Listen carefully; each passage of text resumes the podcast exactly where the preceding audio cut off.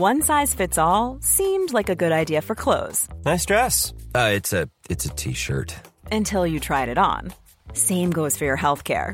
That's why United Healthcare offers a variety of flexible, budget friendly coverage for medical, vision, dental, and more. So, whether you're between jobs, coming off a parent's plan, or even missed open enrollment, you can find the plan that fits you best. Find out more about United Healthcare coverage at uh1.com. That's uh1.com.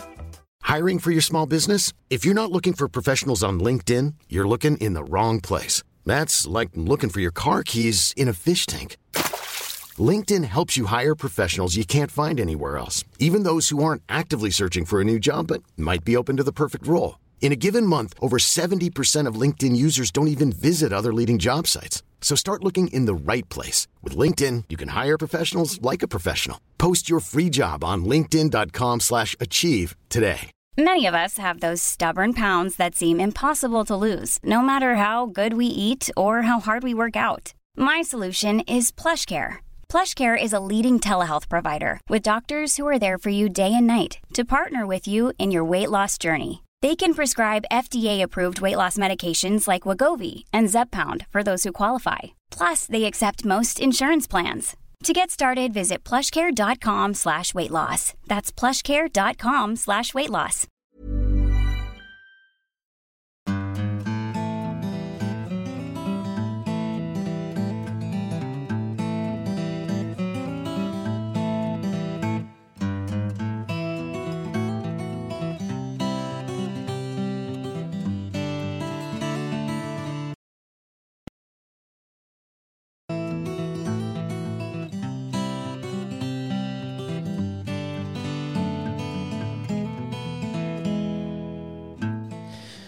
Hjertelig velkommen til en ny episode av Hall og knall-podden. Og eh, vi er endelig fulltallig igjen, kjæresten min. Yes, endelig.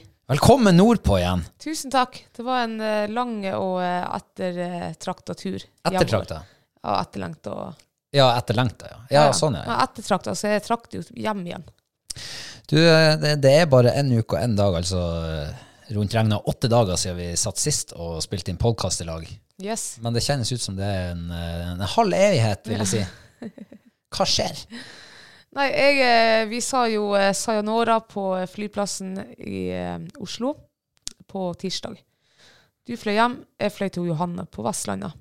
Og der har jeg vært siden. Jeg skulle jo egentlig bare være, altså, det skulle bare være en så superkort tur. Så jeg skulle hjem på fredag. Ehm, men eh, det ville jo ikke uh, verken værgudene eller Widerøe ville ikke at jeg skulle hjem på fredag. Så jeg skulle jo egentlig komme hjem i går, men det var det hele. Altså, ja. Det, jeg kom hjem i dag. Widerøe er din fiende blitt. Ja, fy faen, altså. Eh, Så, så, så, så, oi, unnskyld. Um, jeg, Jeg tenkte bare eh, puste ut eh, og jeg tenkte så for at jeg sa fy faen. Nei, nei. Nei, men i hvert fall, vi, vi reiser herifra for uh, forrige søndag, og så er flyet kansellert herifra, så vi må kjøre liksom til uh, litt lenger sør i, i Husker du hva det heter? Bardufoss. Ja, det var det. Ja. Fly derifra, det var greit. Og så skulle jeg til Johanna um, fra Oslo med Widerøe. Og eh, vi flyr jo, og så hører jo han piloten liksom at det er 20 minutter vi skal lande, så sier han sånn Dette er kaptein Bonse Monser. Landing. Ja, sånn, ja. Kullens. Så jeg, jeg fikk ikke med meg hva han sa, men jeg fikk med meg at noe som, som liksom Altså, jeg forsto det sånn at det er ikke sikkert vi lander her, at vi får videre til Sogndal. Og jeg tenkte hæ? Og Er det, ble er jo- det dårlig vær? Ja, da tenkte jeg, og så kjek nå, jeg tør jo nesten ikke å kikke ut av vinduet på, i lufta, men Du tenkte, sliter litt med flyskrekk. ja, veldig. Um, så jeg kjek løtta nå ut, og så ser jeg jo at det er faen meg helt kvitt. Og vi for fra Oslo, fra skyfri himmel. Uh, og da er det bare liksom, og eh, da eh, kroppen min går i full beredskap. Og jeg sitter jo og tviholder i de her armlenene, og det er jo så slitsomt. Eh, så får vi liksom ned, og jeg gruer meg liksom. Eh, For jeg vet at på Vestlandet så er det mye trange fjorder og store, lange, spisse fjell. Og så får vi inn i det der skodde Ja, så ikke en skit. Og den skodda forsvinner ikke. Av og til så kan jeg gløtte liksom noe som ser ut som en fjellvegg og hav. Og, og plutselig, liksom, så bare tar han full spenn, og han drar spaken bakover, og vi drar rett opp i lufta, så nesten loddrett føles det ut som. Ja.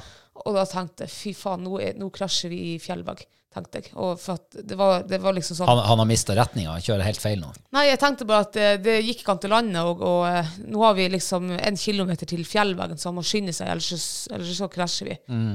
Og fy faen, hvor redd jeg ble da. Og heldigvis heldigvis så krasja vi ikke. Vi kom over Skodde, Farsken igjen, og opp til blå himmel. Og så hører han piloten sier at uh, han skal gi, gi det et nytt forsøk. Oi. Å, herregud, sant. Fra en annen vinkel, liksom. Og jeg bare tenkte, og jeg vet hva, jeg begynte å skrike. Gjorde du det? Ja, jeg tårene rant. Nei, og så ja. ordentlig skrike. Ordentlig skriking. Altså, Bæsa. ja, ja, altså, jeg var skikkelig redd. Det, altså, det er Hiksta så lenge siden. Ja, jeg hiksa.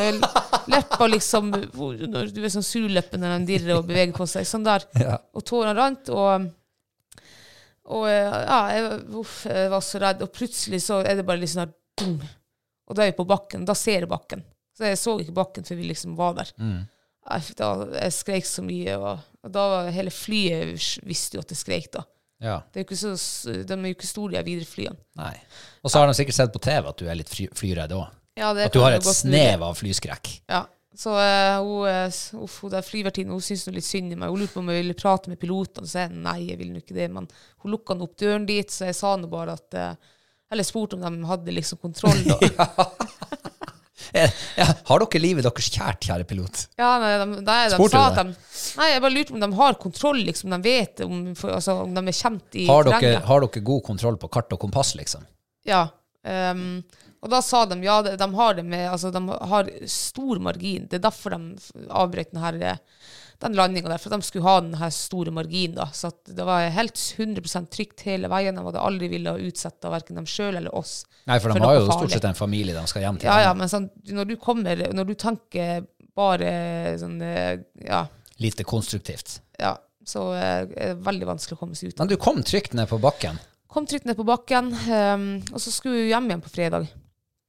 Jeg kommer dit, og det er altså det, er, det snør så tett at jeg ser nesten ikke flystriper fra eh, inne på stasjonen. Og uh, Johanne hun hadde nå ikke trua på at flyet skulle lande, så hun ble nå værende med meg og venta. Og så ser vi på flyradar at uh, han er rett over flyplassen. Da hører jeg han, og det hører jeg akkurat samme motorduren som når vi prøvde liksom, for noen dager siden Ah, at han ga full gass igjen. ga full gass igjen. Så de avbrøt landing, og så skulle de prøve på nytt. Så jeg fulgte med flyradaren. Og da ser jeg at han driver og sirkler rundt, og plutselig så setter han bare bein kurs mot Oslo. Ja. Så det ble ikke hjemtur da. Um, og da ser jeg jo at uh, det her var jo bare starten på helgeværet der nede på Vestlandet. Så jeg, jeg bare sier at ja, men da må du booke den om til mandagen, da. Og så mandagen kommer jeg dit, og kjempefint vær. Sett oss i flyet, flyet er på, og vi skal egentlig akkurat til å gjøre oss klar liksom, for å gå, eller ja, ferdig ut på flystripa. S- slokner han bare flymotoren, og så kommer piloten ut og sier at um, vi får ikke lov å lande fordi at flyradaren er nede i hele Norge, og i minimum fem timer. Ja. Og jeg tenkte nei, er, er det fucken meg mulig, altså? jeg gikk inn der, og jeg var, ah, gikk, eh, gikk bare rett ut av sikkerhetskontrollen og var egentlig, jeg visste ikke om jeg skulle flire eller skrike, liksom. Og så kom nå eh, de som jobber på Widerøe, de inviterte meg inn på bakrommet på kaffe. Og, så det var jo veldig trivelig. Så jeg fikk jo satt og hørte insider-info der, og det ble jo bare mer og mer lovende. Plutselig først så var det liksom Ja, nei, nå ser det ut som dere kan være klar om tre timer, og så var det to timer. Og så var det en time, og så var det liksom 45 minutter, og, og så var det 25 minutter. Og da så jeg på klokka og så tenkte jeg, yes, en rekke, rekk flyet hjem også fra Gardermoen og til Tromsø. Um, for, og alt det gikk fint. Eh, hadde litt flyslekk, ikke veldig mye. Landet på Oslo. Eh, litt forsinka der. Kom til Tromsø. Eh, hadde fire timer å vente der. Så jeg satt nå og venta i nesten fire timer. Um, nei, da står det plutselig flyet kansellert hjem til Sørkjosen. Murphy, altså. Han var på jobb på fredag. Eh, mandag. Jeg, ble så oppgitt jeg, at eh, jeg tenkte ja, ja, men jeg får nå ta den bussturen, og det er hjemme ved midnatt, liksom. Eh, så, så ja, så skulle jeg nå hente kofferten min. Det sto jo sikkert en halvtime for å få den jævla kofferten ut. Og plutselig så får jeg mail fra Widerøe. Jeg får et gavekort på 150 kroner til mat på flyplassen, og så får jeg en ny flybillett dagen etterpå. Altså, hallo. Og hotell, må vite. Må huske. Nei, jeg fikk ikke noe melding om hotell. Men jeg hørte jo han der eh, surkuken i kassa sa det. Jeg gikk jo dit og spurte er det virkelig tilfellet denne mailen har fått at dere ikke skal sende oss hjem i, i, i kveld med buss. For vi er 17 eh, passasjerer som skal til Sørkjosen. Ja, det var, det var tilfellet. Eh, ja, jeg vet ikke, jeg tror jeg kalte han for latterlig og alt mulig. Jeg. Og jeg skulle saksøke. Oi! ja, Skulle kreve erstatning. ja, jeg skulle kreve erstatning. Ja, jeg var skikkelig forbanna. Da var jeg forbanna. Det skjønner jeg godt. Jeg var pisse lei meg. Mm, det også, det skjønner jeg også godt. Så eh, ja, så jeg, eh, det endte med at jeg kom hjem i dag, da. Ja. Og da gikk heldigvis flyet. Så tre kanselleringer på min tur. Ja, men det, du blir jo rik av det, for man får jo noen kroner tilbake fra flyselskapene. Ja, det var jeg ikke klar over. Nei. Du kan jo få inntil var det 600 euro per Ja. kansellering. Ja, det blir, det blir litt penger det. Tre ganger seks til 18, det er 20 000 kroner det. Ja, ja. Ja, Det lønte, det lønte seg jo å være på Vestlandet en, en lang helg Det lønte seg, ja. Så jeg, jeg skal absolutt skrive mail til Widerøe. For jeg tror det er mange som tenker altså de er forbanna på Widerøe, og så, og så går den over, og så får de ikke noe. Du, du liksom. kom jo hjem til slutt. Ja, ja. Ja, det ville, egentlig så ville jeg tenkt det hvis det bare har vært én eller to kanselleringer. Men når det er tre kanselleringer, nei, da skal jeg faen meg skrive mail. Ja. Ja, nei, men eh, Vestlandet, ja, bortsett fra all flytrøbbelet og eh, kanselleringer og radarproblemer og dårlig vær og alt mulig der, Mm. har du hatt bra på Vestlandet? ja, veldig fint. Jeg har jo fått hunget nesten en uke med hos søster. Ja. Ja, så, Dere har fått vært mye i lag siden i, i høst. vi, ja, jeg har jo sett henne hver jækla måned siden i høst. Mm. Så, eh, og nå vil jeg se henne igjen liksom eh, i april, for eh, da skal vi jo til eh, Trøndelag og holde foredrag. Ja, Så det er jo det, jeg- det, er jo det jeg har gjort der nede. da. Vi Ja. har laga foredrag. jobbtur. Jobbtur, ja. Eller jobbetur. ja. Fikk dere jobba litt, da? Vi fikk jobbe en del, ja. Ja. Hvordan ser det ut? Nei, det ser noe eh, det, begynner, det ser ut som noe. Det ser noe lovende ut. Ja, ok. Så det er bare å øve. Ja, ja. Ja. Nei, men det blir, blir jo spennende. det. Og hvem er det som skal være så heldig å få høre på foredraget deres? Det er alle dem som eh, kommer i eh, regi av Nordens Gjelske Fuglehundklubb. Ja. For det er de som booker oss. ja. Så det skal være en eh, aldri så liten eh, medlemskveld? Ja. ja. Eh, Husker du datoen i hodet? Det er 12. april. 12. april. Yes. Ja. Nei, men det blir jo spennende. Det blir, eh, ja, det blir spennende. Jeg er jo, kjenner, jeg er jo litt livredd for det. Både jeg og Johanne. Vi er jo ikke vant til å stå på scenen. Er du mer redd for å flyge? Ja. Ja, men da er du ikke så redd. Ja, da, da går det fint. men men eh, man har, finner jo alltid noe å grue seg til å være redd for. Nei, men eh, det er bare å møte opp der, kanskje. Er det åpent for alle, vet du det? Ja, det regner med at det er åpent for alle. Og hvis man ikke er medlem i, i Nordenfjelske fuglehundklubb. Kan man komme da? Jeg har ikke peiling. Det må man nesten spørre Nordenfjelske Fuglehundklubb. Jeg har ikke Ja. peiling. Jeg vet bare at vi skal dit. Eh, og jeg skal dit. Ja. Jeg gleder meg til å høre foredraget deres. Det kan jeg i hvert fall si. Mm. Ja, jeg har jo vært eh, gressenkemann. Ja, hva Mm. du har gjort, Terje? Du har vært en, nesten en hel uke alene. Jeg har vært en hel uke alene. Ja. Eh, nei, hva har jeg gjort? Ikke en pellemannskite. Du har savna meg. Eh, Jeg går jo ofte i den, får jo ofte den diagnosen brakkesyke når du Ja, er borte. uff, stakkars. Jeg har ikke hatt det helt sånn, ikke ordentlig brakkesyke. Jeg har, um, men det har vært mye adhoc-mat, da. Men det kan vi jo komme tilbake til seinere. Ja. Men jeg har uh, jeg, jeg, jeg har sagt det før, jeg kan godt si det igjen. Men jeg er ikke skapt for å være alene med lenger. Nei. Så um, jeg er ikke den beste versjonen av meg sjøl når du er borte. Jeg trenger en som kan eh, holde meg, holde meg flytende. Ja. Holde meg over vann. Så eh, jeg måtte jo eh, finne fram gamle kunster. Gamle sosiale kunster. Ja. Og invitere meg med på, eh, på fuglehundtrening. Så da ringte jeg til en eh, gammel skolekompis faktisk på Skjervøy. Spurte om vi skulle fære og trene. Mm. Og det skulle vi. Så da møttes vi lørdags formiddagen eller Oi. morgenen. Til et fabelaktig vår-vintervær. Jeg fikk snap av den turen din, og det så jo bare helt fantastisk ut. Det var det.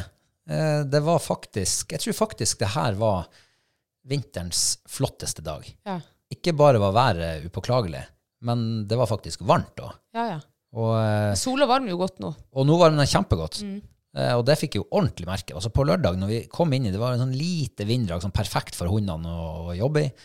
Men av og til så kom vi til områder der det var helt blankstille. Og det var så varmt, og det var så deilig at jeg måtte åpne opp jakken og av med hanskene. Jeg ble, var ganske sjalu der på Vestlandet, satt i snøstorm. Ja, det kan jeg godt skjønne. Altså, livet begynner nord for polarsirkelen. Ja. Ikke sant? ja, det er faktisk sant. Så det, det, altså, alle burde bo nord for polarsirkelen. Ikke alle, det blir Ikke alle, sant, da blir det så voldsomt her. Men altså, vi trenger litt flere folk. Så det er aldri for seint å liksom uh, hive snippsekken på ryggen og så bare ta finnføttene fatt, og så jogge seg nordover. Ja. Og så finne seg en plass og slå opp teltet og kanskje kjøpe seg et hus. Kanskje det. Da kan man bli her. uh, nei, det var fint. Uh, fikk jo eh, Det var jo mye fugl å se. Ja. Vi hadde jo et par helger før da vi var på Arnøya, så hadde vi jo bra med fugl der òg. Det var samme stimen nå. Å ja. Så, um, men eh, de var ikke helt sånn på talefot. De var litt lett på vingene, og, men eh, ja, de fikk nå rampa litt, og de fikk noe, noen stander og litt sånt. Litt støkker. Ja, jeg fikk filma litt. Og. Ja, du har sett de filmene der. Jeg syns jo det gikk strålende. Jeg så jo alt som skjedde, og at det, det gikk Jeg så hva som gikk galt, og alt det der, men eh, Ja, gjorde du det? Nei, for, jeg, det- for jeg spør jo deg om eh, Sånn som lørdagen, så sier du at ja, hun klopp hun rampa litt, og ja, hva Nei, hun skyvreiste noen fugl og sprang etter. Sier, Skyvreiste hun fugl, for i så fall så er det første gangen. Ja, du tror nå det. Ja, men så var det, var det liksom Begynte hun bare å springe fra stand, eller sneik hun seg fram, eller sprang hun bare plutselig, og du så fugl, og Nei, du mente hun sprang dem opp. Da, men jeg, jeg tenkte det er forskjell på at fuglen går og hun springer etter, eller at hun bare skyvreiser dem. ja. Det er jo stor forskjell. Akkurat den Og- situasjonen filma jeg jo ikke. Nei, men klarer du liksom Husker du? Jeg kan jo fortelle hva jeg husker. Ja. Altså, Jeg har jo hukommelse som en teflonpanne. Ja, ja. Det er ingenting som fester seg. Ikke av sånne viktige ting. Så det er jo også en grunn til at jeg trives bedre å gå sammen med deg og trene, for da vet jeg at det er i hvert fall én som har sett hva som har skjedd, og, for, og har oppfatta det. Nei, første stand så, så ser jeg jo på GPS-en at hun har festa stand eh, ja, 130 meter unna oss. Og jeg begynner å gå Jeg, jeg ser jo hvordan vi har vin, så hvis jeg går beint på der, så tipper jeg at vi får fuglen midt imellom oss. Så jeg tenker at jeg tar en liten flankemarsj, går rundt og, for å komme opp i situasjonen. Og når jeg var, en, eh, jeg var kommet meg 100 meter unna henne, så ser jeg bare at hun er i bevegelse igjen. Og hun springer altså 150 meter i motsatt retning, ja. med vin. Og jeg tenker jo, nå lurer jeg på om hun springer etter fugl som har gått. Ja. Men jeg så ikke hva som skjedde. Nei, det sant. Da, Men det er jo litt sånn typisk, ikke Ja, ja. og så kommer hun tilbake i akkurat til samme område. Da står hun og ser der hun hadde stand i, i det området. Så kommer hun inn, og hun liksom markerer seg framover, og så fester hun en stand, og så går hun litt på. Og så er det liksom svart for meg. Så husker ikke detaljene lenger. Nei. Eh, men da, jo, da går fuglen, og så Altså fuglen på vingene, i hvert fall. Mm. Og så begynner hun å skal springe etter. Ja. Og da minnes jeg at jeg kanskje ropte nei, og så stoppa hun og kom inn igjen. Ja. Så det, det er liksom det jeg husker. Det er liksom noen hold her som gjør at jeg kan liksom ikke helt uh, påpeke hva det var som skjedde. Nei. Men hva skjedde da hun kom inn igjen? Da eh, så jeg jo at hun var litt gira, Ja. og da eh, tenkte jeg at nå skal hun få sitte her litt grann og roe seg litt ned. Å ja, du gjorde det faktisk? Ja, ja, ja. ja, ok, det var noe enda bra. Um, men jeg er jo litt utålmodig selv, selvfølgelig, så hun satt kanskje ikke lenge nok. Nei. Sender henne ut igjen og ned i gaupete terreng. Uh, og der ser vi jo rype på vingene. I de områdene der Ja, det kokte i skolten på. det kokte over. Ja. Så da ropte hun inn. Ja. Og, og, og det skal hun ha. Hun er veldig sånn lydhør Ja, fortsatt. Så hun kom jo ganske, ganske effektivt inn da. Men da var hun ferdigjakta for den dagen. Da hadde hun hatt to gode, lange slipp. Um, ja. Så Men uh, det, jeg lurer på For vi gikk jo og snakket om det en gang, Christian. At det virker som fuglene er litt lett i dag. Så han Reborn hadde jo stand. Den filma jeg. Eh, hvor han står i oppoverbakke, egentlig rett på oversida der hun, de var og raste med rypen. Eh, og så begynner han å gå på, og går på og går på. Og så ser jo jeg når vi kommer over kanten at oi, der letta det rype på 70 meter foran oss. Eh, men han er liksom fortsatt, han, han fortsetter den avansen fram. Så han har i hvert fall ikke sett at rypa har gått. Men jeg tenkte da, da er det flere ryper der. Ja. Og så kommer vi fram, og så er det ingenting. Jeg jeg så den videoen også. Det grøssa i ryggen på meg. Ja. Yes, da går du og han Kristian som to usikre menn. Ja. Og så slipper han unghund unghunden sin foran han Reborn, så de, begge de to går fram der og mistenker. da. Mm.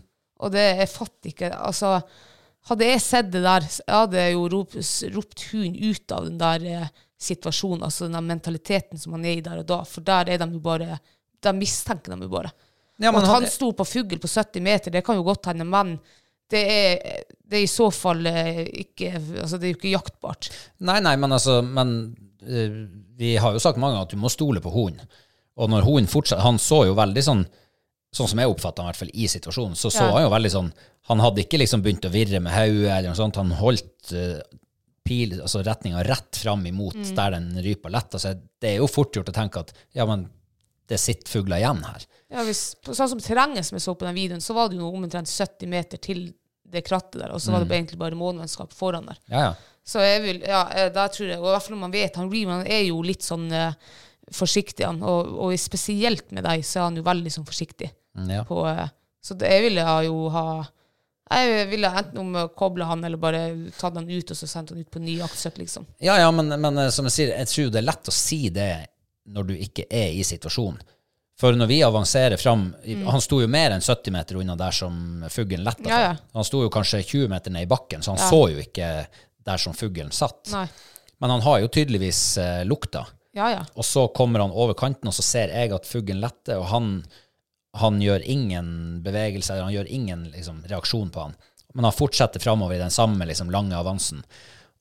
Det er jo ganske brutalt å liksom skulle Nei, jeg tror ikke det er flere fugler framme som går liksom ta han ut av den situasjonen. Er det Nei ikke men, det? nei, men det du skulle gjort, at han bare har gjort oppmerksom at nå er fugl gått. Da kunne du ha ropt sitt eller et eller annet, for da vet han å, da, for han har jo ikke sett den fuglen tydeligvis. Eh, men det han ser, det er jo at det kommer en eh, konkurrent av han som kommer foran han, og også begynner å snike seg. Og sånn, Da går de begge de to og, og mistenker.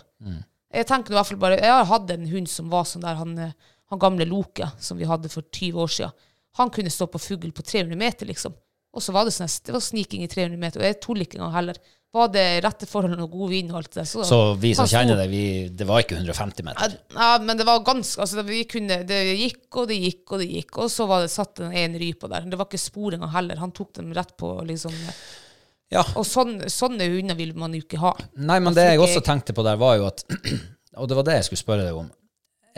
Tror du at hvis hundene opplever i løpet av en dag at de erfarer den dagen at rypen er lett på vingene, det er vanskelig å komme på hold, liksom normalt jaktbart hold, at de eh, i hvert fall når du begynner å bli litt erfaren, at du reserverer deg litt og liksom stiller deg i stand på liksom trygt hold, Mm. på en måte.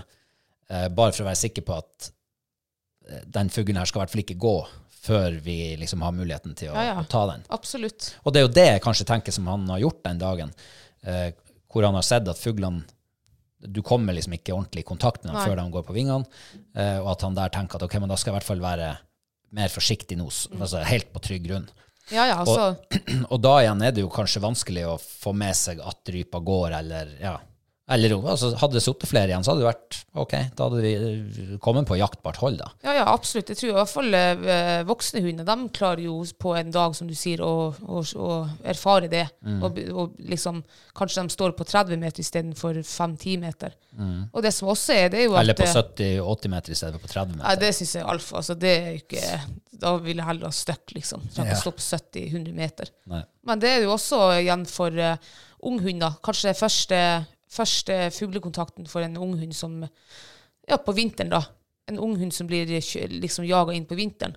Og så er det mye sånn her eh, eh, nervesvake ryper. Ja. Og så begynner en hund altså De begynner å ta tomstand. Du blir veldig myk i nesa, liksom. Veldig myk. De kan stå på stand fra 100 meter. Så ja, og kontra en hund som kanskje blir trent på høsten, der fuglene Du må nesten trø dem i hodet for at de skal lette. Ja. Det tror jeg.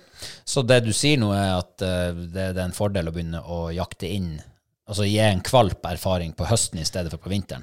Ikke nødvendigvis. Nå hopper nå over egentlig nok. Det her hadde jo ikke, det var ikke det vi snakket om. Men Nei, bare tenkte at det kanskje det, når, når rypen oppfører seg sånn her, og med en unghund som ikke har hatt rypekontakt eller lite, Mm. så er det kanskje best å bare holde dem i eh, bånd. Gå og snørekjøre eller noe. Det ville jeg ha gjort. Eh, så at de begynner ja, At det skal liksom være de første fugleerfaringene. For de, de erfarer jo når de er valp og unghund. Liksom, eh, ja, Mm. De lager seg jo en. Nei, men eh, det er jo eh, Og det er jo hodet mitt som bare er skrudd sammen, sånn at jeg husker ikke detaljer. Nei. For på søndag så var vi jo på nytt igjen på, på en treningstur, og mm, ja, det er jo ikke Vi jakter jo ikke noe, så, vi, så jeg tenkte ja, men da filmer jeg nå, da. Så filmer jeg nå de situasjonene. Ja. Og Klopp eh, fester stand. eh, i et område der det var, altså det var så mye rypespor, det var nedtrødd. For hun bar fast borti det området der. Så jeg måtte liksom gå, jeg tenkte nå skal hun i hvert fall gå, jeg går og henter henne, for hun kom ikke på innkalling eller noe. Uh, nei, da ser jeg det masse rypespor. Og da drar hun an, og så fester hun stand. Og, og jeg tenkte, ja, da filmer jeg. Jeg så jo ikke noe rype. Men hun sto der, og jeg vet ikke, jeg sa til deg etterpå at jeg lurer på om hun sprang etter. Eller om hun tyvreiste seg, eller et eller annet sånt. Ja. Men jeg måtte jo se igjen på filmen og si at nei, hun gjorde jo ikke det. Nei. Hun stoppa jo i det fuglet. Hun så jo at fuglene gikk, og da stoppa hun jo. Og så for ikke hun en gang i den retninga der fuglene for. Hun for fram til, til setet, eller så det ut som. Ja. Så det er jo egentlig fryktelig vanskelig å skulle liksom eh, rekapitulere og debrife sånne her situasjoner med deg når du ikke har vært med sjøl, siden jeg ikke husker en Pelle Mannskitt. Det er så merkelig at du ikke husker. Ja, ja, det. Det er long covid pluss. Ja, ja. Men jeg, jeg så jo den eh, situasjonen som du filma, og det var jo altså Hun, hun sto jo i ro når fuglene gikk, og så for hun bare fram på setet. Og du, det du sa, det var rolig, men hun var jo verken Altså, hun, hun for jo vekk derifra. Der ville jo jeg ha sagt nei, og så tatt henne tilbake, og så latt henne sitte litt. Ja. I hvert fall hun, da, for vi, hun jo, kan jo være litt heit. ja, for jeg tenkte jo at eh, hun skulle bare få gå fram og utrede. Ja. Og det var derfor, jeg, derfor sier jeg liksom rolig. Ja. At de ikke skal liksom Hvis jeg sier ja, så da kan hun plutselig finne på å stikke av gårde. Ja. Og sitte igjen fugler, så mister du den sjansen. Så, men eh, nei, men allikevel, det er jo greit å ha øyne som bare ser på filmen og ser hva som egentlig har skjedd, og så kan du jo um, evaluere ut ifra det. Det er jo videodømming. Jeg syns du har vært flink. Jeg, jeg så, jeg så en, han Reeman hadde jo stand, det var jo ordentlig stand, for der var jo rypen eh, like ved. Ja. Du ber om reis. Nei, hun reiser ikke, og du står nå også i ro. Han, han satt vel i stand. Nei, han lå i stand. Han lå i stand, ja. Ja. Og du står nå i ro og så begynner du plutselig å skifte fokus. Da er ikke du mer på den reisetappen hans som aldri starta. Da filmer du rypen som sitter der. Og jeg tenker bare, herregud, jeg får, faen meg, jeg får seriøst et grøss i ryggen av å se på de videoklippene. For jeg har sagt det så mange, for Reeban han er ikke sånn her med meg. Da er han mye med, han er ikke noe som du kan eh, avstandsreise på langt hold, det er han jo ikke. Nei. Men han reiser jo, eh, han reiser jo godt eh, i sånn lag med neste jeger. Men der begge dere to bare ja, står der og ikke gjør noe, liksom. Mm, hva jeg skal gjøre, da? Du skal være engasjert. Du Hvordan skal, vi, da? du skal være så Ja, kom igjen! Og så springe gjerne opp på sida og liksom skrå Ikke springe liksom helt mot han, men skrå og få han ned liksom på, på leken. Mm. Ikke si ja, og så plutselig så er det over den her ja-en, for da har du skifta fokus. Da står du og filmer ryper. Og, Ja, det, så det, det går ikke an for en mann å gjøre det. Det er to ting samtidig. Det går ikke. Nei. Så Altså, en ting, Han hadde jo gått helt opp til han, lar, han lar det jo aldri komme liksom foran ham. Men jeg tenker, nå er, nå er vi liksom i jaktprøvekjør. Det er jo greit å få hunden til å kunne reise ti meter ifra deg, liksom. Og spesielt på vinteren når rypen kanskje er det litt sånn hipsen og hapsen om de, om de trykker godt eller ikke, for å få reis på hunden. Ja, for jeg ser jo når jeg liksom kommer, liksom, kommer bakfra og liksom kommer springende litt, og sånn, ja, ja, ja, ja, kan jeg, sånn, da kan Ja. han liksom få litt mer fart på seg. Ja, ja, for da er han Yes, nå skal jeg og pappa, han er happy og glad, og det her skal vi Nå Akkurat, skal rypen opp på. Men Ja, når du kommer og sier ja, og så skifter fokus, nei, da, da står han bare For kanskje han bare Nei, uff. Han mente ikke det. Ja, og det som er, jo, det, det her tror jeg faktisk jeg har sagt før, men den hunden der, han kanonreiste i ni, eller ikke ni måneder, men til han var ni måneder gammel. Og da begynte vi å skyte fugler på bakken for den hunden der. Og jeg tror rett og slett at um, det har ødelagt den her djerve reisen hans som han hadde.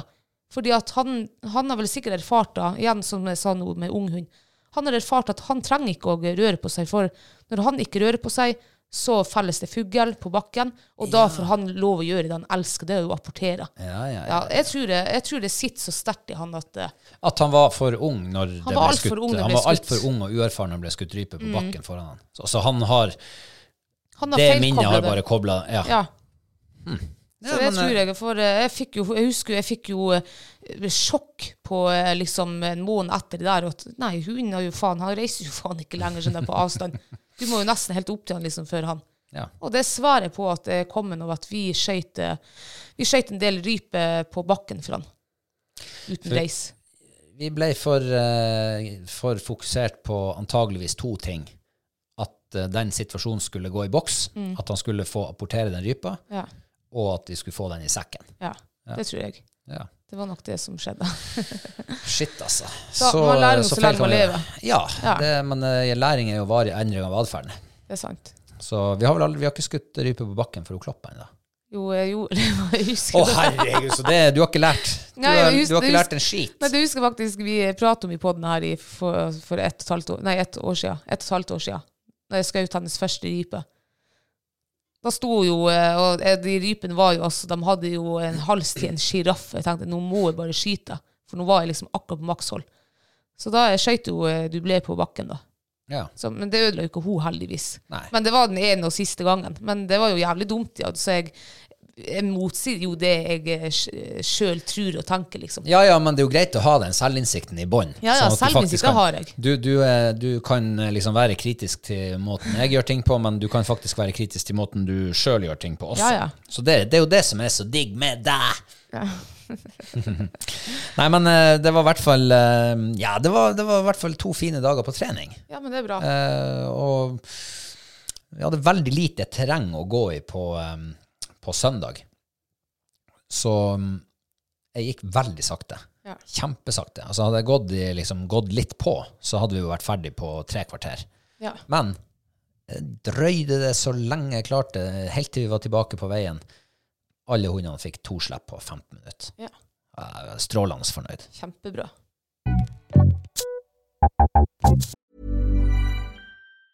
There's never been a faster or easier way to start your weight loss journey than with PlushCare.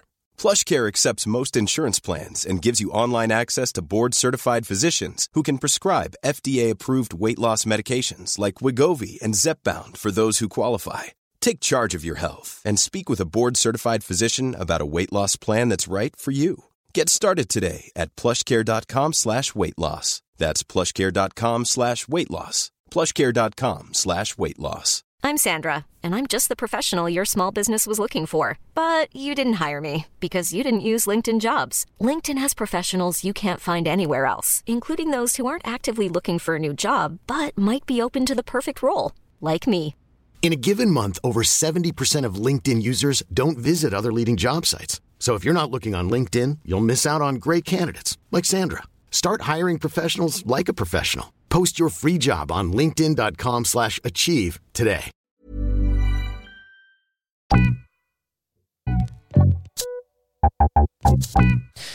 Ja, um, hva skal jeg si? Gratulerer med semifinaleplass i 71 grader nord team. Ja, tusen hjertelig. Ja, det, det, det er strålende. Jeg hadde helt glemt at det gikk såpass bra. Ja, ja. Nei, det var jo, men det var jo på hengende eh, håret. Det var på et eh, kløven eh, Et, et flatbanka hår. Ja. Men eh, det, var, ja, det var ganske close. Det var ganske close. Det kunne ha gått skikkelig ille, det der. Det For deres del. Det kunne det faktisk, ja. Hva var det som Um, skjedde? Nei, det som, altså Johanne hun har jo surra seg helt vekk. Altså det som jeg var over, jeg, Johanne hun fikk gå den der kjappeste ruta, den enkleste, liksom. Um, så når jeg kom ned til målet, jeg, var, jeg regna jo med å se Johanne stå der, men det var jo ingen som sto der. Nei, du var først, gitt. Jeg var faktisk først. Da var kjæresten din så stolt. Ja, Tenkte da- bare wow, jeg var hun er flink. ja, det, er ikke- det hadde jeg også vært. Da var jeg først. Jeg var vel eh, ti minutter foran av Anders, og så var jeg sikkert en halvtime foran av Frank. Og så gikk det noe sånn her. Du slo Frank Løke. Ja, det gjorde jeg. Det er godt gjort. ja det, altså, men eh, Mean machine. Han er kanskje stor og sterk, men å gå i ulendt terreng og lese terrenget, nei, der slår han meg ikke. Nei, Nei, det har du erfaring med. det har jeg erfaring med. Eh, Johanne kom jo ikke, og Jeg må jo bare si at bare sånn som en liten sånn innskytelse. Du har jo vært fast, fast kartleser eh, foregående sommer, altså i, fjor sommer. Når vi har vært og gått turer, en kort eller lang, så er det du som har gått med kartet, og du som har vært eh, sjefsorientør. ja, jeg husker bare to turer jeg tok, faktisk tok kartet med meg, da. Så, Ja, ja, men du fikk noe, du fikk Ja, ja, noe fikk greit med trening. Ja, for jeg, kun, jeg går jo med GPS-en hvis jeg lurer på noe. Ja. Så jeg har jo aldri gått med kart og kompass. Håpløst. Men eh, skit i det. Men uh, i hvert fall, uh, ja, da uh, Det var jo altså begge, begge personene på ett lag skal være i mål før du går videre. Så det var jo uhyre spennende når vi sto ett fra hvert lag der, de tre, altså tre lag, da. Og så kommer Rikke neste, og da tenker jeg uff, nå er det bare to plasser igjen. Og så kommer faen meg Martin, og så kom kommer jo Martin med en uh, breaking news. Sier han at hun Johanna hun har tatt flagget til Martin. eh, hun måtte gå opp igjen og liksom legge det ifra seg. og finne sitt eget. Og da tenkte jeg bare å herregud. Og jeg visste at vi hadde stått der i flere timer, og jeg tenkte at eh, nei, det her, det her kommer nok til å ikke gå vår vei. tenkte jeg. Her stopper deres reise. Her stopper vår reise, og det var ikke pga. meg. Hadde det vært det pga. meg, så tror jo Johanne hadde tenkt at jeg hadde gjort med vilje. Så jeg sa en par ganger inne at nei, faen, nå drar jeg hjem, nå gidder jeg ikke mer. Johanne har aldri sagt det. Nei. Så det var jo selvfølgelig Jeg syns synd i jenta der. Jeg, jeg følte med henne, og jeg hadde ikke vært sur om vi hadde for ifra, men det var jo litt, litt kjipt, det, jo, for nå var vi liksom så nært den her eh, Ja, nært på slutten av reisen. Eh, og eh, uff, så kommer hun heldigvis i mål. Og det var, ah, det var en lettelse. Det så jeg på bilder og på TV. Det Ja, det var, uff, Vi ser jo at det berører, for det var noe sko imellom. Jeg klarte jo ikke å se om eh, hvem det var. Jeg så bare en liten person, og heldigvis var det Johanna. Johanna. Og så kommer hun ned og forteller liksom hva som har skjedd. ja. Og hun hadde jo, når vi hadde splittet, så sier jeg til Johanne du går til høyre for den fjelltoppen, jeg går til venstre. Ja, hun, så har du kontroll? Ja, sa hun. Og så går vi, da. Vi splittes ganske fort. Egentlig så kunne vi jo gått i lag opp til den der fjelltoppen, og så splittes. Men jeg tenkte ikke på det. Jeg tenkte at vi hadde en god plan òg. Ja. ja, for det er jo ofte det man Det er jo, det er jo naturlig å tenke det, ikke sant. Konkurransen sier at nå skal vi splittes, så da splittes vi, og Så så tar vi liksom kort, korteste vei til målet, begge to. Ja, og det så ut som det var kan det, det var kun var det Martin og Anders bare som gikk opp i lag, og så splitta dem. Mhm. Jeg tror alle vi andre splitta oss der nede i skogen. Det var jo litt rart, egentlig. Men det sto jo at vi skulle gjøre det. liksom. Så vi splittes der, og Johanne da, da har jo, hun har jo navigert helt feil, for hun ser da på kartet, i stedet for å kikke på den fjelltoppen som vi ble enige om at hun skulle gå til, så ser hun bare at hun skal over en sånn skogs... eh, Ja, noe grønt på kartet, og da ser hun liksom ja, rett fram eh, at der var jo en skog, og der nede er noe vann. Hun hadde jo ikke sett på høydemeter, ingenting, så hun hadde jo gått nedover i terrenget, ned til de der vannene, mange kilometer. Og så har hun kommet på at det her var jo helt feil, hun, må jo, hun skal gå opp, opp i terrenget. Og øh, jeg vet ikke hvor mange kilometer eh, feil hun har gått, av, men kanskje åtte. Ja, for hun går først feil. Hun går feil bommer retning. på posten og havner helt ut av kurs. Ja, ja, hun går, hun går nesten motsatt retning, altså, enn dit vi skal. Så hun må gå liksom hele den veien tilbake, pluss dit vi skulle. Og så kommer hun opp dit, og så var hun, hun var jo selvfølgelig hun var sliten i hodet, og, og hun, hun, hun har ennå ikke funnet posten sin på det her tidspunktet. Hun har enda ikke funnet posten sin, og så kommer hun opp til, et, eh, til en hytte og et vann. Da ser hun på kartet hvor hun er, så da er hun ganske sikker, og det stemte jo. Og så ser hun at her nede skal flagget være, og det lå vann tett i tett der. Eh, så hun ser et flagg, går ned, tar det opp uten å tenke hvordan fargen lokker. Hun sier nå at hun ikke var klar over at vi var Team Oransje, men det, det tror jeg nok at hun var. Jeg tror bare det har gått eh, varmt opp i hodet hennes. Og så går hun altså i 20 minutter. Johanne har tatt Martin sitt flagg. Hun går i 20 minutter, så, får, så ringer det opp på telefon til uh, hun som filmer Johanna. Um, og de spør om Johanne har tatt et gult flagg. Ja, sier hun. Og ja, det er Martin sitt flagg, så det må dere bare snu tilbake med. Og da brøyt jo den jenta stakkars helt sammen. Uff. Jeg, f- jeg har jo bare hørt det der, jeg så jo det nå på søndagens episode. Jeg satt og skreik i lag med henne. I hvert fall hun må snu, men Martin har jo funnet endelig Martin har jo også gått og surret der oppe i en par timer og lett etter et flagg. Men han fant det jo ikke. Men det var jo ikke pga. at Johanne hadde tatt det. For Johanne hadde gått med flagget i 20 minutter.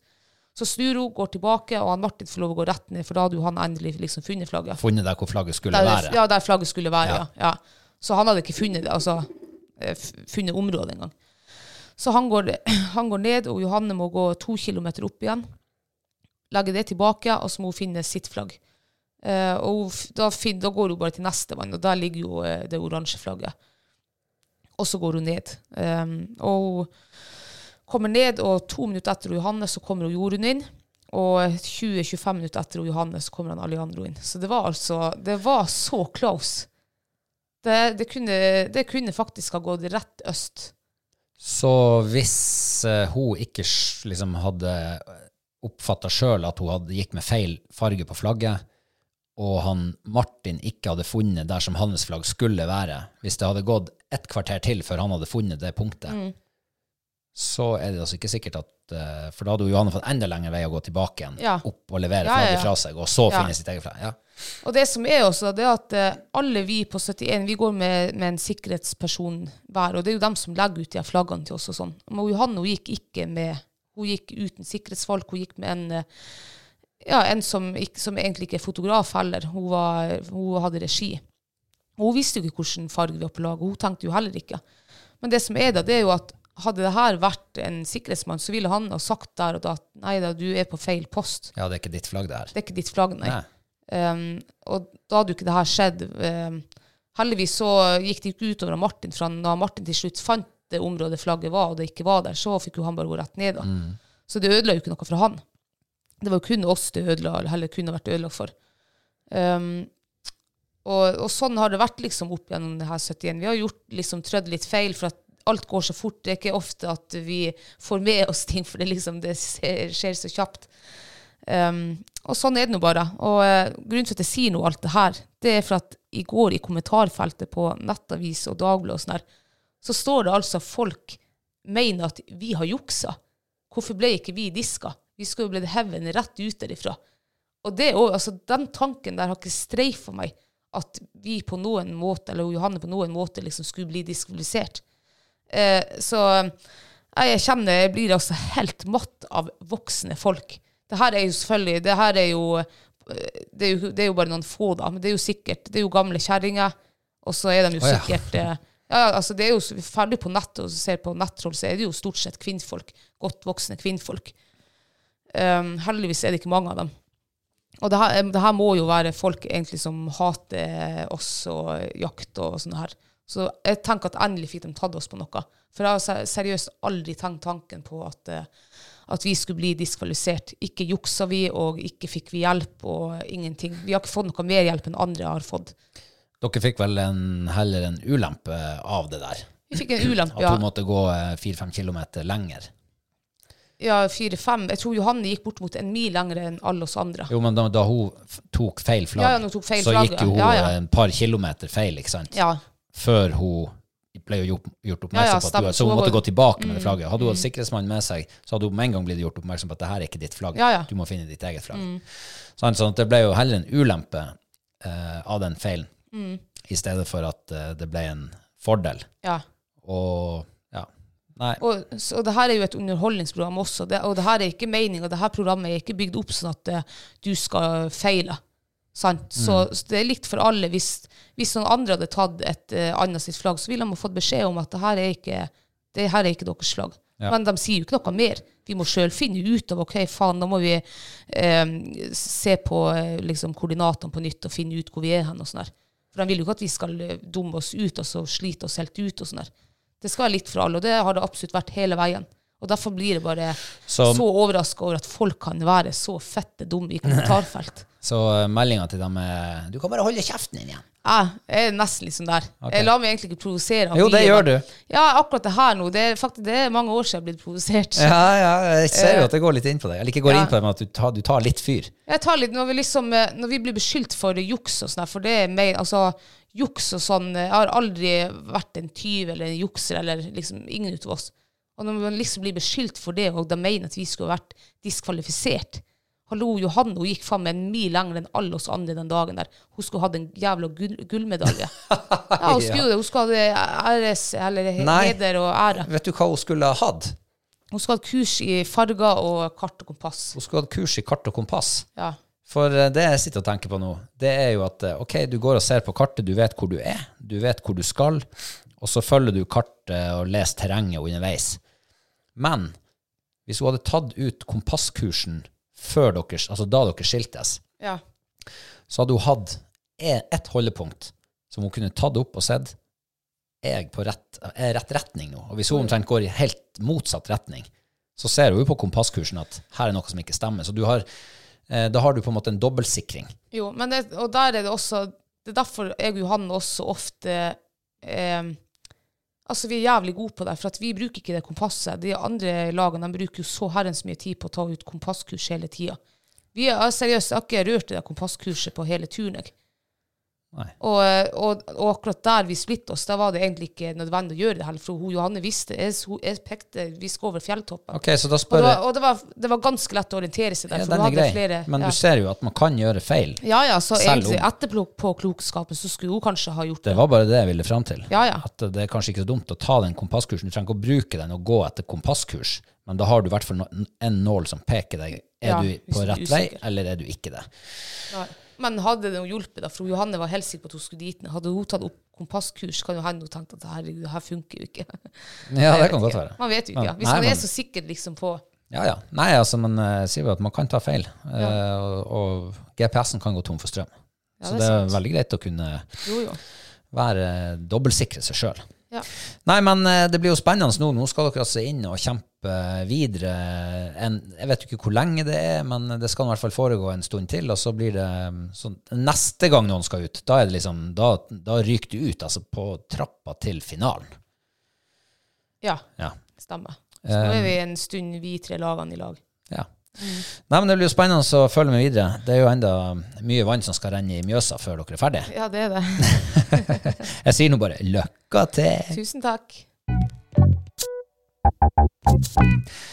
Um, du, vi um, Vi um, fikk jo vi, vi la ut en uh, liten story på Instagram her i sted. Eh, og på Facebook for så vidt også. Ja. Um, hvor vi spurte om eh, det var noen som hadde lyst til å sende oss noen spørsmål eller kommentarer eller innspill, eller ja, om så bare si hei for min del. Eh, det er jo noen som på kort varsel har, eh, har sendt inn noen spørsmål. Skal vi ta den? Vi tar noen av dem. ja, kjør på. Ja, han Jan Hegna han spør hvordan trener dere hundene ned, altså i gåsøya igjen, fra toppform nå og frem mot sommeren? Oi, trener, jeg har aldri tenkt på liksom å trene noe ned. For man trener jo som regel dem opp. Ja, sånn til jakta og Ja. prøver og ja. Men, sk- men, eh, ja. men å trene dem ned Jeg tenker at det skjer naturlig, liksom, eh, i forhold til eh, sesongene og båndtvang og alt det der. Ja, for det er jo båndtvang 1. april. 1. april er det båndtvang, ja, og jeg har egentlig aldri tenkt på liksom, å skal trene hundene ned. Men på en måte så gjør vi jo det sånn helt ubevisst. For når båndtvangen kommer, sånn, så blir det, da blir det gjerne jaktprøve. Da, det, da springer de to, to dager i uka. Eh, og så er det jo skiturer, snørkjøring og bare sånn her. Det blir litt mindre aktiviteter enn Ja, den harde, lange jaktdagen og sånn her. Ja, jeg tenker jo sånn her at eh, det er jo ikke noe ulempe hvis man eh, klarer å holde hundene i form. Nei. Eh, Hadde man klart å holde dem i bortimot toppform, eller over 80% hele sommeren, så hadde jo det vært det aller beste. Mye enklere å hente inn igjen på høsten, eller hente opp igjen til toppformen. Så, eh, men det er klart, så kommer du til sommeren, og så blir det varmt i været, og du kan ikke sykle med dem. Kanskje du kan sykle litt på, på kveldene og nettene, kanskje, men, men det er jo fortsatt uansett eh, ofte litt for varmt til høy fysisk aktivitet. Ja. Men eh, så kan man jo gå altså Vi går jo mye på fjellet om sommeren, og da bærer de jo kløv, ikke sant? så de får litt styrketrening, og de får litt sånn der rolig langkjøring innover fjellene. Og, ja, så jeg tenker nå heller at eh, nei, kan man ikke bare prøve å holde dem i god form ja. året er rundt? Så god form som mulig året rundt. Ja, absolutt. Og da, som du sier, de, jo, de springer seg fortere i form også når, eh, når høsten kommer. Mm. Og de her eh, har jo egentlig ja, eh, ingen problem. Altså, det er et par-tre jaktdager, så er de liksom i, nesten i toppform igjen, virker det som. Ja. De er ganske, ganske ja, det er ikke sånn at du bruker eh, hele september på å liksom komme i toppform. Nei, nei. Det, det er noen, noen dager på jakt, og så Ja, ja, er Og så er de liksom up and running igjen. Så kanskje faktisk hvis man hadde bare liksom fra 1. april lagt dem i, i kurven sin, og så hadde de ligget der helt til ja, andejakta starter, og båndtvangen er oppheva, Ja. Så tror du jo det hadde vært uh, tyngre å liksom få dem. Det hadde blitt en Ja, ja. tyngre høst på dem, særlig starten på høsten. Så Jan, ja, vi trener vel ikke ned. Nei, prøv å holde dem Prøver å holde dem litt oppe. Men det blir jo selvfølgelig det blir jo uh, Naturlig. mindre aktivitet. Ja, altså. det er sant. Mm. Um, faberaktig har uh, skriver um, Ja, for vi spurte jo også det, det, hva, Er det noe spesielt dere vil at vi skal sneie innom i dag? Mm. Og faberaktig uh, er det en ho, kanskje, ja. Sier i hvert fall, uh, kanskje litt sent ute, men gjerne sjøfugljakt eller annen jakt som ikke er så vanlig. Oi. Ja. Sjøfugljakt, ja. Eller an- enkeltbekkasin er jo litt uvanlig å jakte på. Men vi kan jo ta sjøfugljakt. Ja. Ja. Har du noe erfaring med det? Nei, egentlig ikke. Altså, jeg jakta litt sjøfugl når jeg bodde sørpå, og så har jeg, og så har jeg vært i fjæra liksom et par ganger her nordpå med deg. Men det er ikke sånn, jeg kan ikke si at jeg har jakta sjøfugl, nei. Jeg jakter ender, ja, men det blir jo litt mer på innlandet. Ja. Mm. Ja, altså mitt første møte med sjøfugljakt, det var jo faktisk ender. Mm. Eh, og det har jo jakta Mens vi bodde i Lyngen, så var det jo nede med sjøen vi jakta ender. Ja. Så jeg har jo skutt noen ender, eh, men jeg har ikke sånn voldsomt mye erfaring med det. Nei. Men eh, det, er jo, det er jo bare jakt. Eh, men det er jo en jakt vi hver eneste høst så sier vi at i år så må vi jakte skarv. Ja. Jeg har vært på én skarvejakt som jeg kan liksom skrive i boka at det her var skarvejakt. Da satt jeg en ettermiddag ned i fjæra, det var også i Lyngen, eh, på en plass der jeg hadde sett at det hadde flagget skarv forbi. Det var vel når du spilte inn en av de her eh, Det var vel kanskje sesong tre av Jegertvillingene. Ja. Da satt jeg der nede fra en god stund før det begynte å skjømne, og til det var blitt ganske peisemørkt. Det kom ikke en skarv forbi. Nei, du, men du, skarven liksom utover høsten, du ser jo hvor han liksom oppholder seg. Du ser jo veldig godt hvordan eh, støtte han liker å sitte på, eller eh, brygge han sitter på, eller en stein eller skjær, eller Ja, der nede var det vel kanskje ikke Nei, altså det er ikke det, men, men jeg hadde jo lest at eh, på ettermiddagen så, så flytter han gjerne på seg. Og han Ja. bruker liksom de samme rutene ofte. Ja, OK. Men det var nå ikke noe skarv som kom forbi. Nei, og jeg tror at skarven er mer sånn litt lenger ut på kysten. Der trives han bedre. Ja, det kan godt hende. Og vi ser jo det når vi er rundt Skjervøy, Arnøy. Der ute ser vi jo mye skarv. Mm. Og kommunevåpenet til Skjervøy er jo en skarv. Ja, ja. Så det er jo antagelig mer, eh, ja, bedre biotop for dem. Det er mer skarv der. Ja. Men det som jeg tenker med skarvjakt, det er jo at det begynner jo så fryktelig seint på året. Mm. Og skal du jakte skarv, så ja, da er, sitter du jo i sjøkanten, og, eh, og du skyter dem jo gjerne ut på vannet. Og da er du avhengig av å ha hund. Eller båt. Ja, men det er jo litt kjedelig. Jo, jo. Det tenker nå jeg i hvert fall. Så, men eh, båt har vi nå heller ikke, liksom. Eh, Da må vi jo Ja. Så eh, derfor har Jeg tror for min del har det ikke blitt. For at det blir for seint. Det blir for kaldt i sjøen liksom, til å skal hive de hundene ut. Og, Det er greit på um, i august når gåsejakta begynner. Da kan man hive dem på havet. Da kan man, ja, og Fight har jo vært i havet i mai også. Og Ja. da var det nødvendig, altså. Og det var, det var ikke meninga Det er jo en litt uvanlig jakt, kanskje. ja. Gåsejakt med hund. Det, er altså, det er da vi egentlig eh, Jeg vet ikke om vi verken starter eller avslutter jakta. Jeg vet ikke hva jeg skal si, for vi jakter gås i mai. Det er jo liksom midt imellom eh, ja. Ja. jaktforeninga, da. Ja, ja. Vi får en liten sånn her på, på sommeren. Eller på våren, da. Og det er faktisk det er en av de artigste jaktene jeg har med O-Fight. Det er faktisk gåsejakta. Mm. Og det, jeg har faktisk en video av det. Um, det her var jo i mai, begynnelsen av mai. Det var skadefelling på gås. Um, gåsen var, det var ikke så mye gås i den lufta der, og de satt litt sånn tulla til. Du var med på den jakta der. Så vi ble jo enige om at du skulle snike deg opp på de gåsene som satt der, og så skulle du prøve å, å se om du klarte å skyte en, men prøve å snu deg liksom rundt at du skremte den ned mot meg. Så skulle jeg ta den med hagla. Og hele planen gikk jo. Du fikk skutt en gås. Hele gåsflokken snudde og kom ned mot meg på fint haglehold. Jeg skyter en gås, og jeg ser at jeg treffer han. Man klarer faen meg å sprike vingene sine. Vi satt kanskje 100 meter fra sjøen. Man klarer å sprike vingene til han lander på sjøen. Og han lander jo sikkert en ja, 40-50 meter ut. Det var ganske langt, var det. Um, springer ned mot fight, og da ser jeg jo gåsa leve. Han, ja, uff. Og det ser jo Fight også, så hun var jo ikke vanskelig å be. Jeg tror ikke jeg sa port til den hunden, hun bare skjønte hva hun skulle gjøre. Så hun hiver seg altså ut i det iskalde vannet, det var snø og isete og Nei, uff. Men fy faen, altså, for en eh, arbeidshund, altså. Og det er det som er så artig og viktig også å ha hund med seg på de her jaktene. Og gås, jeg jakter jo ikke det for at jeg syns det er så fryktelig godt, fordi at uh, vi får jo ikke til den gåskjøtta. Men, jeg, altså, ja, men jeg, selvfølgelig jeg jakter for kjøttet, da, men, eh, men det er ikke bare av derfor.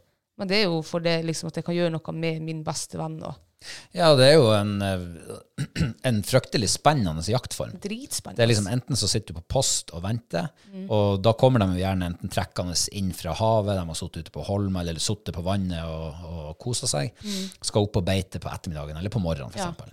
Og det her er jo en, faktisk en jaktform du kan Du trenger ikke ha fuglehund for å jakte det Nei, her med en hund. Nei. Du kan lære alle hundene, alle rasene tipper du kan eh, lære å apportere. Det er ikke sikkert en chihuahua hadde klart å apportere liksom en gås, men, eh, men jeg har sett Jack Russell Terrier som apporterer døde fugler, liksom. Så eh, du kan lære hvordan som helst hund å sitte stille og hente gåser når du Du kan låne naboen sin golden retriever og ta dem med på jakt. La den få gjøre det den egentlig skal. Ja, ja, det er jo jakthunder. Ja, ja. ja, Ja, ja. Um, nei, jeg husker en gang vi satt på gåsejakt i, i, i august. Eh, hadde bygd oss det skjulet ned i, i fjærekanten. Eh, og satt der og venta. Um, og så Det kan være stilt kjempelenge, og plutselig så hører du sånn Ja, kjempelangt ifra. ikke sant? Og så kommer den nærmere, nærmere, og du huker det ned inn under skjulet ditt, gjør det skuddklar, venter, og så nei, så flyr den forbi, og så kan det gå en stund. Og så kommer den fra andre sida, eller så kommer den inn fra havet. og Det er veldig spennende. Ja, dritspennende. Og så er det jo, ikke sant, hvis du, hvis du ikke vil sitte på post, så kan du jo finne ut hvor sitter gåsen. Sitter den på land? Ja, da kan du faktisk smyge deg fram. Det er noe med det vanskeligste du kan gjøre, tror jeg. Ja, de er på vakt, De altså. er på vakt, ja. Ja. Så, um, ja, nei, men kanskje det blir eh, skarvjakt på oss til høsten. da. Hvorfor prater du plutselig om skarv når vi snakker om gås? nei, for det var for sjøfugljakt. Å ja, sånn, ja. eh, ja, kanskje blir det. Men det blir i hvert fall gås. Det blir gåsejakt bare om et par måneder. Gud, hvor jeg gleder meg. Ja. Åh Og skarvekjøtt har jeg spist én gang. Jeg vil huske det var godt. Det ble grilla. Å ja, jeg har spist det to ganger. Å ja. En, eh, vi var jo og spilte inn Jegertvillen sesong tre. Da var vi på skarvejakt. Mm. Og så skøyt vi skarv, og så eh, tok vi den med til en restaurant, og så lagde han kokken der. Å herregud, det var godt. Altså, Ja. det var så godt. ja. Ja, sj- åh. Så ja, jeg skulle ha funnet på skarvjakt. Det burde, ja, det burde jo være motivasjon nok til å liksom Ja, ja, klare å karre seg til en, mm. en skarvejakttur. Ja, nei, fabelaktig. Det er bare å uh, krype ned i fjærsteinene og sette bak en, eh, et naust, og så venter du på ender eller gås eller skarv. Synd at skarvjakta starter så seint, ja. Det er 1. oktober den starter. Da begynner det å bli litt sånn her, uh, nesten vinter her oppe. Sørpå så har de jo enda full sommer, nesten. Ja, ja, ja. Tidlig høst, i hvert fall. Ja. Eh, Så har vi en Je- eh, Jevelrum. Jevelrum. Jevelrum, ja. Han lurer på om vi er klare til årets isfiskesesong. Isfiske, ja. Vet du hva, det har faktisk ikke streifet med tanke på eh, jeg var, hva, jeg var mer glad i å, å fiske på isen før jeg møtte deg, kjenner jeg. Var jeg faktisk. Vi har vært mye turer, og det har vært mye sånn her Jeg syns det har vært mye kaldt og dårlig vær liksom, på fjellet, og dårlig bitt og lite fisk. og vi, jo, vi har jo planlagt eh, egentlig, egentlig skulle vi dra til fjells nå til helga som kommer, men det er jo meldt eh, eh, skikkelig snøvær og kaldt og vind og fokk og rock, så det blir jo mest sannsynlig ikke noe eh, kombotur, altså isfiske og siste jakthelgtur. Nei, det blir nok ikke det. Det ser ikke ut som det, nei. Vi må nok eh, finne alternative jaktmarker. Ja. Eller marker. Så, men, det at, men det blir isfisktur isfisketur på, i, vin, i vinter nå, ja, det blir det. Ja, det blir det. Men uh, Men jeg kjenner at uh, den der, da vi begynte i lag, så var den der isfiskesuget Det var, det var sterkere i, i meg. ja, vi starta jo i februar, liksom. Ja, ja. Og Det var jo bikkmørkt fra Og det, og det, tre jo- ja, men jeg skjønner jo liksom hvorfor altså Når jeg kjenner på det nå, så har man jo sittet mye og kjekket ned i et steinedødt hold, og det har vært eh, Altså, så har man hatt det glimta til noen gang.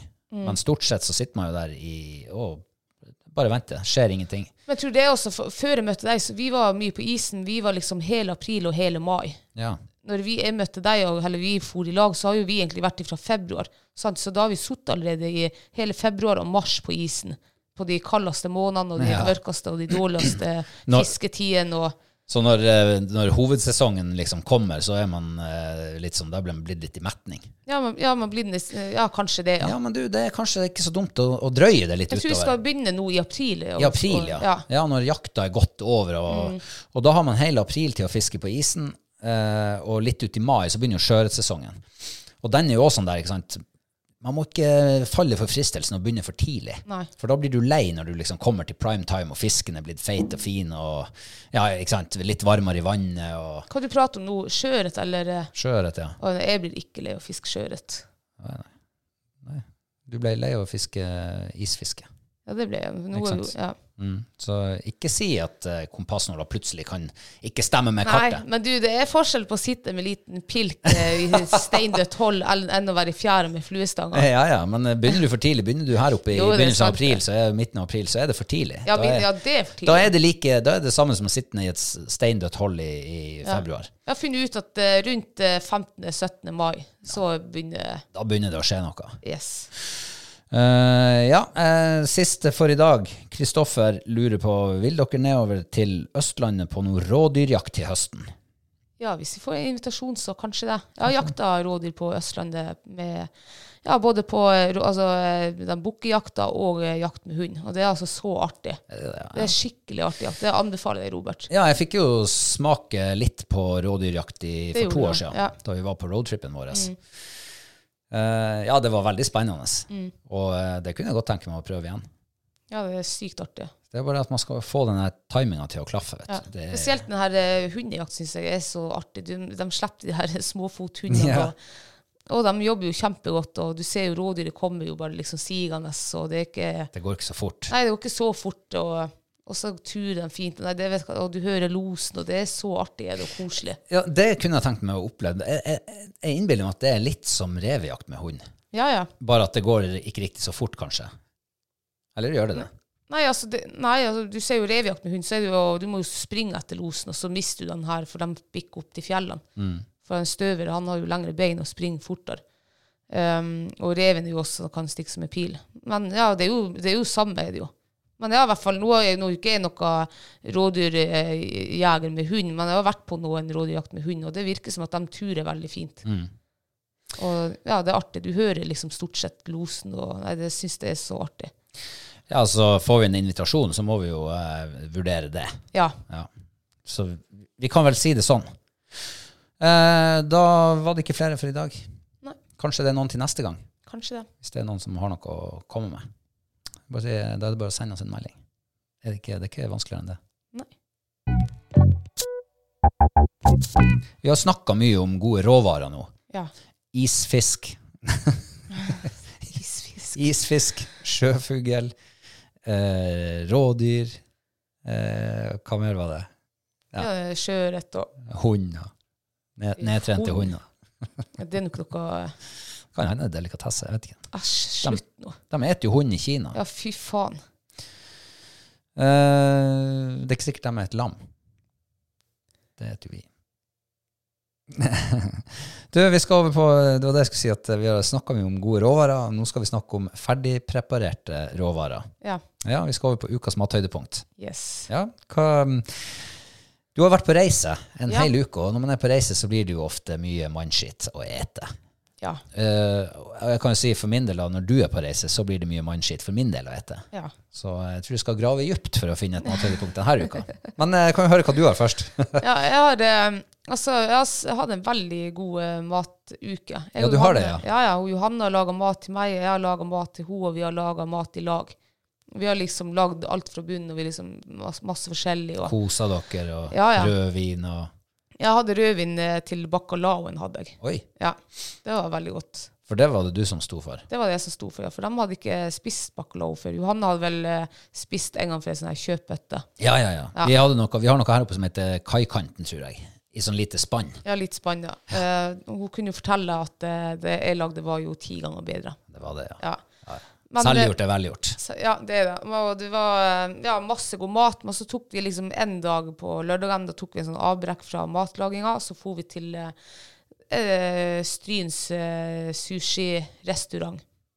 Der, er- er- har de bare én der, eller har de flere? De har bare én som er ren sushi, ja. og den er visst eh, nyoppstarta fra i Det bruker høst, stort sett å være best å spise sushi på en ren sushirestaurant. ja. Ja. Når jeg søkte sushi der borte, så var det jo flere sånne her eh, Indian eh. Ja, ja, ja. Liksom. Det, blir, det blir som helårsdekk. Ja, ja. Nei, vi får nå dit, og eh, jeg er jo jævlig glad i sushi. Spiser jo bare én gang hver tredje måned, for Mm. Ja. vi har jo ikke nok sushi her. Nei. Og gud, for en uh, sushi-matopplevelse det var. Det var sykt godt, var det. Ja, det var det, ja. Ja, det var altså eh, ah, Og så er det så deilig, for når man går på en ny sushiplass, du har aldri vært der før, du aner ikke hva du får, og så får du noe som er skikkelig godt. Ja. Det er opptur, det. ja, veldig opptur. For, for det, det er like stor opptur som det er nedtur hvis du går på en sushirestaurant og så er det sånn her Nei, det var kjedelig. Det var tørt. Eller det var smakløst. Men det var friskt og godt, det Det var friskt og godt. Og så gikk det opp for meg eh, nå, vi, prater om det, Johanne, for vi, vi så på den sushien her, og så tenkte vi faen, det er dyrt altså for sånne små eh, matbiter. Betalte altså 300 kroner for var det 16 biter. De er jo ikke store, de bitene. Og så begynte å prate om så tenkte vi nei, men vi er jo for faen med på eh, bios, liksom betale en hel middagstallerken for 300 kroner. Og man blir jo mett av sushi. De 16 bitene der, dem blir du stappmett av. Jeg elter til og med to biter igjen på fatet for å være mett. Shit. Så det er jo eh, så det er ikke så dyrt, egentlig. Du betaler sushi. egentlig for måltidet, ja. Du betaler for måltidet, ja. Samme prisen. Selv om, ja, samme prisen, selv om det ser mindre ut for at det er små biter. Det er liksom en munnfull. Du, Eh, det der, det er nå, akkurat nå er jeg veldig glad for at du setter det i det perspektivet. Ja. For sånn har jeg aldri tenkt før. Jeg har tenkt akkurat det samme som deg. Sushi er litt dyrt. Ja. Det har jeg heller aldri tenkt før. Gå og kjøp deg en bagett på flyplassen. Å, fy faen. Det har Ikke, jeg gjort flere ganger. ikke blir du mett av den, ikke smaker noe godt. Nei. Og dyr er den. Den er dyr, altså. Ikke sant? Ja. Så her får du altså 16 bit, og du blir stappmett. Ja. 300 kroner.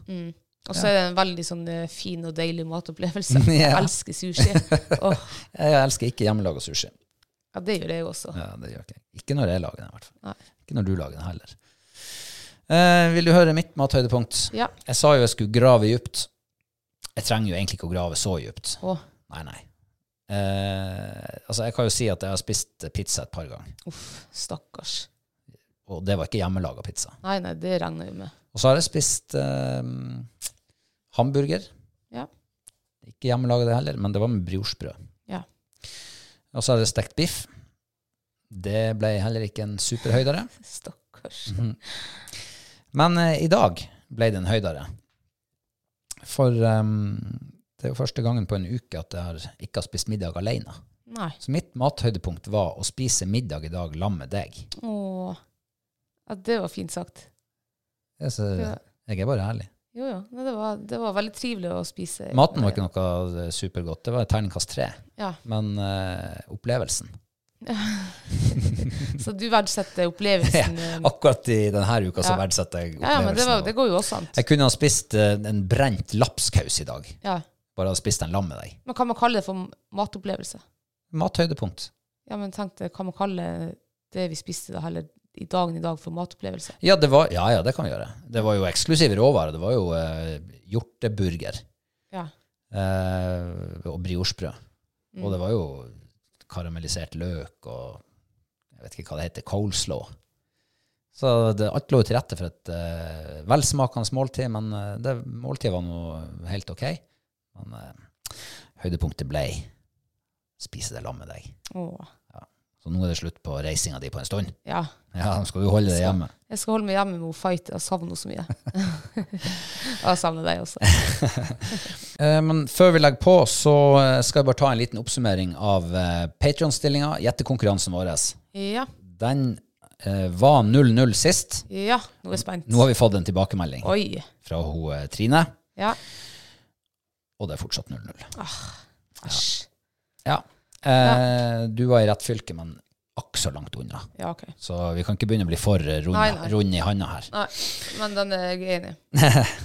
Um, det var dagens episode litt forsinka, men bedre seint enn aldri. Ja, Uh, og så er vi vel forhåpentligvis tilbake neste mandag. det er vi. Det får vi håpe.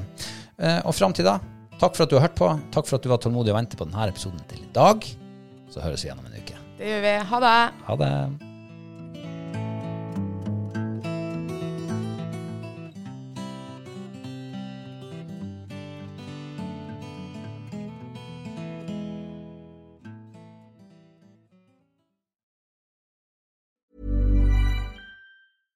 Ever catch yourself eating the same flavorless dinner three days in a row? Dreaming of something better? Well, HelloFresh is your guilt free dream come true, baby. It's me, Gigi Palmer. Let's wake up those taste buds with hot, juicy pecan crusted chicken or garlic butter shrimp scampi. Mm. Hello Fresh. Stop dreaming of all the delicious possibilities and dig in at HelloFresh.com.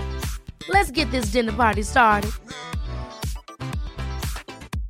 Imagine the softest sheets you've ever felt. Now imagine them getting even softer over time. That's what you'll feel with Bowl and Branch's organic cotton sheets. In a recent customer survey, 96% replied that Bowl and Branch sheets get softer with every wash. Start getting your best night's sleep in these sheets that get softer and softer for years to come. Try their sheets with a 30-night guarantee. Plus, get 15% off your first order at bowlandbranch.com. Code BUTTERY. Exclusions apply. See site for details.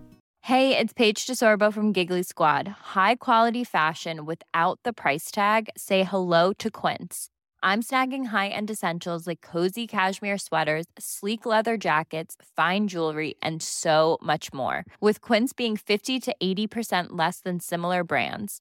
And they partner with factories that prioritize safe, ethical, and responsible manufacturing. I love that. Luxury quality within reach. Go to quince.com slash style to get free shipping and 365 day returns on your next order. Quince.com slash style.